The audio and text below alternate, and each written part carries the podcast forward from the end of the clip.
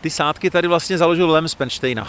Oni jsou uprostřed trasy Opatovického kanálu a už z té doby, vlastně před těmi pětisty lety, ty sádky tady pamatujeme, ale nevypadaly úplně stejně. Byly dřevěné asi, že? No, Nebo... měli, měli tady samozřejmě dřevěné potrubí, přívodní a požeráky, ale vypadaly podobně, jako jsou eh, na té druhé straně, tady jsou takové malé rybníčky, tak ty sádky vypadaly skutečně dříve.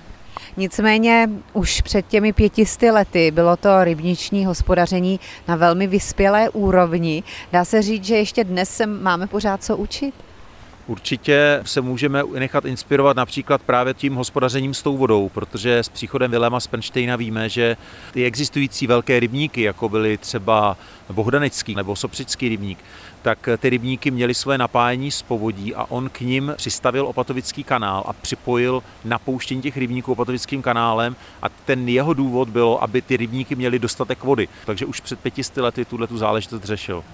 Máme tady v Pardubickém kraji raritu a nás poslouchají v celé republice a nevím, jestli jeho Češi budou teď rádi, ale byli jsme první. Ty naše rybníky tady v okolí Bohdanče jsou starší než třeba ty v Jižních Čechách?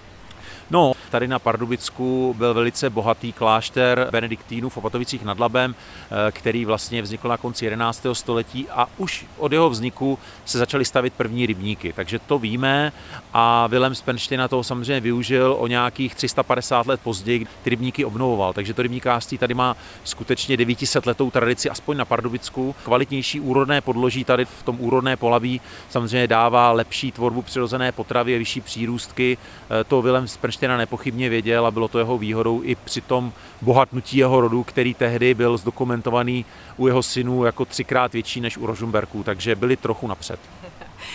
Tenkrát eh, takovou nejlepší rybou na tom stole bohatších lidí, byl to kapr nebo ne?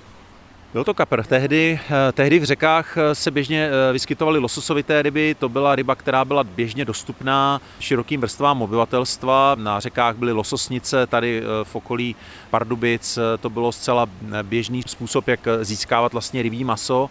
Až do té míry, že lidé se toho lososa takzvaně přejedli a vymiňovali si dny, kdy už jako toho lososa fakt jako jíst nechtějí, což z dnešní doby zní trochu absurdně a říkám někdy ten losos tehdy byl trošku jako kuřecí maso dneska, že lidi říkali, říkali, taky kuře nemusí jíst každý den a tak vlastně oni to tak skutečně měli. Oproti tomu kapr byl eh, zhruba dvakrát dražší než ty lososovité ryby, než pstruh alpský, takže ten kapr skutečně byl spíše tou potravou pro ty více majetné a kuchaři, kteří i v dnešní době tomu rozumí, tak eh, toho kapra doporučují, protože vědí, že to maso je chuťově zajímavé a dá se s ním dělat celou řadu věcí.